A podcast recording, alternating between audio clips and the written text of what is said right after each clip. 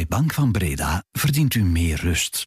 Meer gemoedsrust. Zodat u kan luisteren naar de zeven, terwijl wij focussen op al uw financiële vragen. Welkom bij de Zeven van de Tijd. Elke dag om 7 uur. Onze blik op de zaken in 7 punten. Dit is Bert Rijmen. Goedemorgen. België speelt een hoofdrol in het grootste lek over drugstrafiek ooit. De tijd heeft samen met een internationaal journalistiek consortium talloze gerechtelijke documenten kunnen inkijken. Solvay-CEO Ilham Kadri strekt een bonus op van 12 miljoen euro. Het bedrag breekt alle records. En Pluon, een laadpalen start-up uit Limburg, heeft een grote deal te pakken bij Aldi. Unique Selling Point. Hun laadpaal zou makkelijker te vervangen zijn dan eender welke andere. Het is dinsdag 7 november. Welkom. De Zeven van de Tijd. 1. De grootste drugkartels van Colombia gebruiken België en met name de haven van Antwerpen om hun cocaïne op de Europese markt te brengen. Dat blijkt uit de narco-files. Dat zijn miljoenen gerechtsdocumenten van het Colombiaanse Openbaar Ministerie. Die zijn gelekt en die de tijd samen met KNAK en met meer dan 40 internationale media heeft onderzocht. De drugsmokkelaars schuben geweld niet. Dat bleek afgelopen weekend nog toen havenarbeiders in een depot in Antwerpen werden aangevallen. Maar hoe verloopt die hele trafiek vanuit Colombia en hoe groot is de impact van de kartels? Goedemorgen, Lars Bové. Goedemorgen. Je hebt voor de tijd meegewerkt aan die narco-files. Uh, Lars, wat hebben jullie precies onderzocht? Al eind vorig jaar zijn we hiermee begonnen, met meer dan 40 andere media ook in de wereld. En dit gaat over het grootste lek ooit van documenten, gerechtsdocumenten, over de drugstrafiek vanuit Zuid-Amerika. En het gaat over meer dan 7 miljoen e-mails vooral van het Colombiaanse Openbaar Ministerie. Die zijn we beginnen onderzoeken. En dat was natuurlijk met alle nodige veiligheidsmaatregelen, want, en ik geef zo een aantal voorbeelden ook in de krant, uh, ja, dit zijn dossiers die nog lopende zijn met informanten, met undercover agenten. En we hebben dus verschillende gevallen gehad waar men bijvoorbeeld nog maar dit jaar uh, in actie is geschoten, het gerecht. Oké, okay, en wat zijn jullie bevindingen? Hoe werken die drugkartels? Onze belangrijkste insteek met dit onderzoek is blootleggen of aantonen hoe het eigenlijk eraan toe gaat in Colombia en de rest van uh, Latijns-Amerika voordat die tonnen aan uh, cocaïne hier toestromen in Antwerpen. En die drugskartels, ja, die zijn natuurlijk supergevaarlijk. Wat ook opvallend is, is dat zij zelfs uh, ook volop teren op de corruptie in uh, Colombia. En dan gaat het echt wel over zowel politiemensen, niet alleen havenmedewerkers, maar ook de politiemensen en, en zelfs uh, magistraten in Colombia die mee uh, hen helpen, omdat men nu eenmaal hen bedreigt of omdat er natuurlijk veel geld mee te verdienen valt. En dat is ook het geval trouwens voor alle of heel wat Colombiaanse bedrijven. Het is hallucinant hoeveel Colombiaanse bedrijven ook meedraaien in dit systeem. Soms een half miljoen uh, dollar per container kunnen krijgen, die ze dan uh, naar België loodsen. Ja, en, en hoe doen ze dat? Hoe komen die drugs dan uh, naar Antwerpen?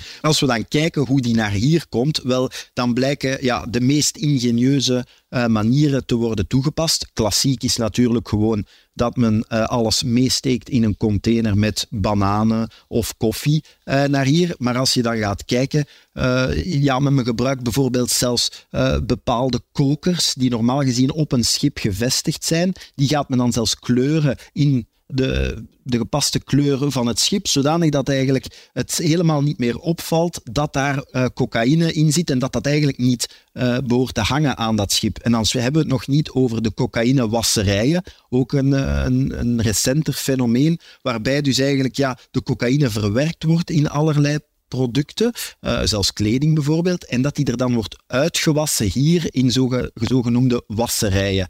Dus men is zeer inventief. Dankjewel, Lars. Graag gedaan. En wie meer wil weten over hoe de Colombiaanse drugkartels hun drugs hier naar Antwerpen verkassen, lees de narcofiles in de krant of op tijd.be. 2. Ja, ik was daarvan op de hoogte. Eerst en vooral wil ik, uh, wil ik Bart Somers bedanken. Hij is, een, uh, hij is een schitterende minister geweest. En ook, persoonlijk heb ik altijd zeer goed met hem kunnen, uh, kunnen, uh, kunnen samenwerken. Iedereen weet dat Bart een, een, zeer groot hart heeft voor Mechelen. We zullen kijken op welke manier hij vervangen kan worden in de, in de Vlaamse regering. Premier De Croo reageert op het ontslag van zijn partijgenoot Bart Somers. Het is nog niet duidelijk wie hem gaat opvolgen, al echoen er al wel wat namen door de wandelgangen. En het is ook nog maar de vraag of dit een nieuwe tegenslag is of net een kans voor de Vlaamse liberalen. Sommers kondigde gisteren heel plots aan dat hij stopt als Vlaams vicepremier en minister van Samenleven en Binnenlands Bestuur. Hij wordt weer fulltime burgemeester van Mechelen en trekt zich terug omdat hij naar eigen zeggen meer vernieuwing en verjonging wil binnen zijn partij Open VLD. Deze namiddag geeft Somers meer uitleg op een persconferentie. Wie hem opvolgt zullen we daar nog niet horen. Namen die over de tongen gaan zijn die van parlementsleden Jasper Pille, Maurits van der Rijden en burgemeester van Grobbendonk Marianne Verhaart. Voor Somers verlieten onder meer ook liberale sterkhouders Egbert Lachaert, Gwendoline Rutte en Vincent van Quickenborne het nationale niveau. Toch een beetje een leegloop daar. 3. Het wordt een gouden najaar voor Ilham Kadri, de CEO van de Belgische chemiereus Solvay. Ze strijkt een bonus op van maar liefst 12 miljoen euro, een ongezien bedrag. De Raad van Bestuur vindt dat ze strafwerk heeft geleverd om de geplande opsplitsing van Solvay voor te bereiden. En dat levert haar dus een recordpre op. Verdiend of niet? Goedemorgen, Michael Sefia. Goedemorgen, Bert. Journalist ondernemen hier bij de tijd. Michael, vertel nog eens, waarvoor krijgt uh, Kadri nu precies die bonus? Wel, Solvay wordt in twee delen gesplitst. Het eerste is het oude Solvay, met de historische bakermat, de historische activiteiten. En het tweede is ScienceCo. Dat is een polymerend spin-off, als je wil, met meer dynamische, toekomstgerichte materialen dat ze produceren. Dat is voorzien uh, begin december, formeel. -hmm. En voor uh, al het werk dat uh, Ilham Kadri als CEO van Solvay in de voorbereiding van die splitsing heeft gestoken, acht de Raad van Bestuur het logisch om haar een speciale remuneratie te geven, een speciale bonus van bruto 12 miljoen euro. Dat uh, klinkt, Michael, als heel veel in mijn oren toch. Maar is het dat ook? Is dit een uitzonderlijke bonus? Die 12 miljoen, dat is tamelijk hoog naar Belgische maatstaven. Voor soortgelijke bonussen, mm -hmm. voor het realiseren van een deal bijvoorbeeld, uh, vinden wij onder meer de voorbeelden van Recticel en Argenix terug.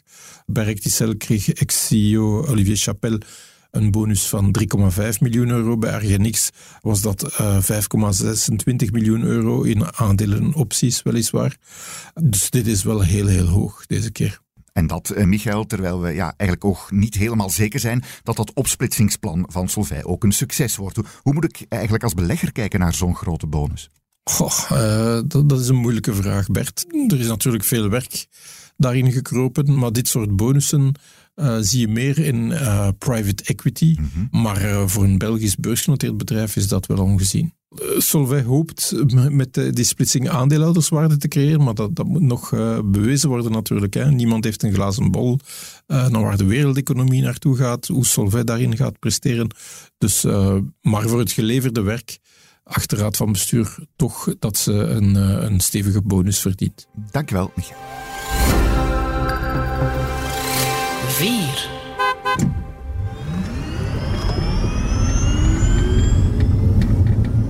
Een nieuwe Tesla voor minder dan 25.000 euro. De Amerikaanse elektrische autobouwer teest ons er al lang over. Maar de plannen lijken nu eindelijk concreter te worden.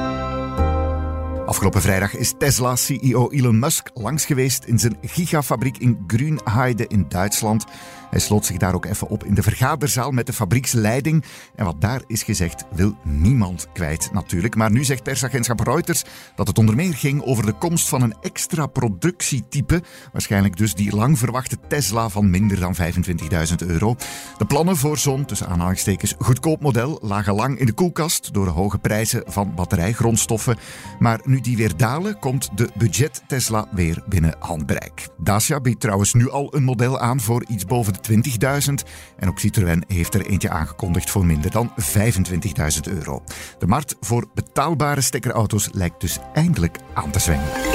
5. Maar waar moeten we al die elektrische auto's dan laden? Wel, Pluon, een laadpalen-startup uit Limburg, krijgt nu een stevige stroomstoot dankzij een grote deal met supermarktketen Aldi. Ja, wij zijn uiteraard uh, zeer trots uh, op die deal. Marco Jacovella is commercieel directeur bij Pluon. En bevestigt eigenlijk ook dat de marktgang zoals dat we deze hebben ingezet, een poos geleden, dat die gesmaakt wordt. Pluon mag 200 parkings van Aldi gaan uitrusten met zijn laadpalen. Stevige deal dus.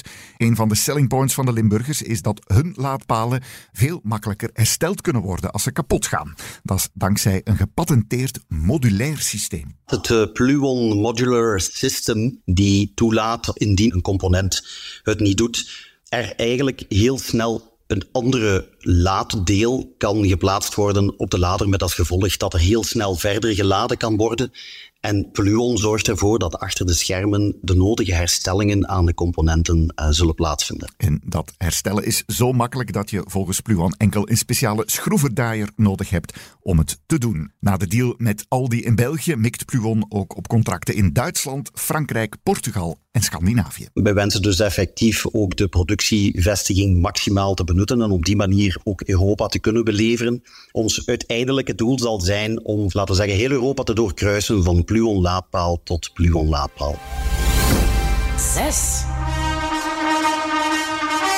My lords and members of the House of Commons, Her Majesty's government's priority is to grow and strengthen the economy and help ease the cost of living for families. Vorig jaar mocht hij het alles doen ter vervanging van zijn moeder, maar vandaag is het voor het eerst in eigen naam. De Britse koning Charles III zal de eerste echte King's Speech geven in ruim 70 jaar en daarmee het parlementaire jaar openen. Voorkennis. Maar meer dan voorlezen mag Charles eigenlijk niet doen. De echte auteur van de troonrede is de Britse premier Rishi Sunak. Die maakt via de King's Speech zijn plannen bekend voor de komende maanden. De focus zal waarschijnlijk liggen op veiligheid, migratie en verzet tegen strakke klimaatdoelen. Dat laatste smaakt straks misschien een beetje bitter op Charles' lippen. De king is al jaren voorvechter van natuurbeheer en groener beleid. De speech is een nieuw last-minute charme-offensief van Sunak naar de Britse kiezer. Die lijkt hem en zijn conservatieve regering in alle peilingen stikbeu en te draaien richting een linkse regering met Labour-leider Keir Starmer als premier. De Britse verkiezingen zijn de laatste voor begin 2025. 7. Buongiorno. Di Lind. La tomba di Lind. James Bond bezoekt het graf van zijn ter ziele gegane vlam Vesper Lind in No Time to Die. De spion pinkt een traantje weg van achter zijn zonnebril van Barton Pereira. Een merk uit LA is dat, waar ook Ryan Gosling, Angelina Jolie en Michelle Obama al mee zijn gespot. En dat nu is opgekocht door LVMH luxe concern van de Franse miljardair Bernard Arnault lijft Barton Pereira in voor 75 miljoen. Dat schrijft zakenkrant The Wall Street Journal. De Fransen willen het Californische zonnebrillenmerk internationaal sterker op de kaart gaan zetten en de verkoop uitbreiden naar Europa en Azië. Het is al de tweede keer op korte tijd dat LVMH een zonnebrillenmerk opkoopt. Twee maanden geleden nam het ook al het Franse label Voirnet over. Is niet duidelijk of de plotse brillenkoop frenzy iets te maken heeft met de globaal tegenvallende verkoopcijfers bij LVMH. Niet echt zonnebrillenweer vandaag, maar goed, ook niet vergeten. Van vanavond tot vrijdagochtend is er een staking bij de NMBS. Als je niet thuis kan werken en je neemt normaal gezien de trein, denk dan toch maar eens goed na over hoe je er geraakt. Een nieuwe De 7 krijg je morgenochtend sowieso. Heel graag, tot dan. Dit was De 7 met Bert Rijmen. Productie door Roan van Eyck van op de redactie van De Tijd. Een recensie in je favoriete podcast-app doet ons veel plezier. Heb je feedback? Stuur het gerust naar podcast.tijd.be. Morgen zijn we er weer. Tot dan.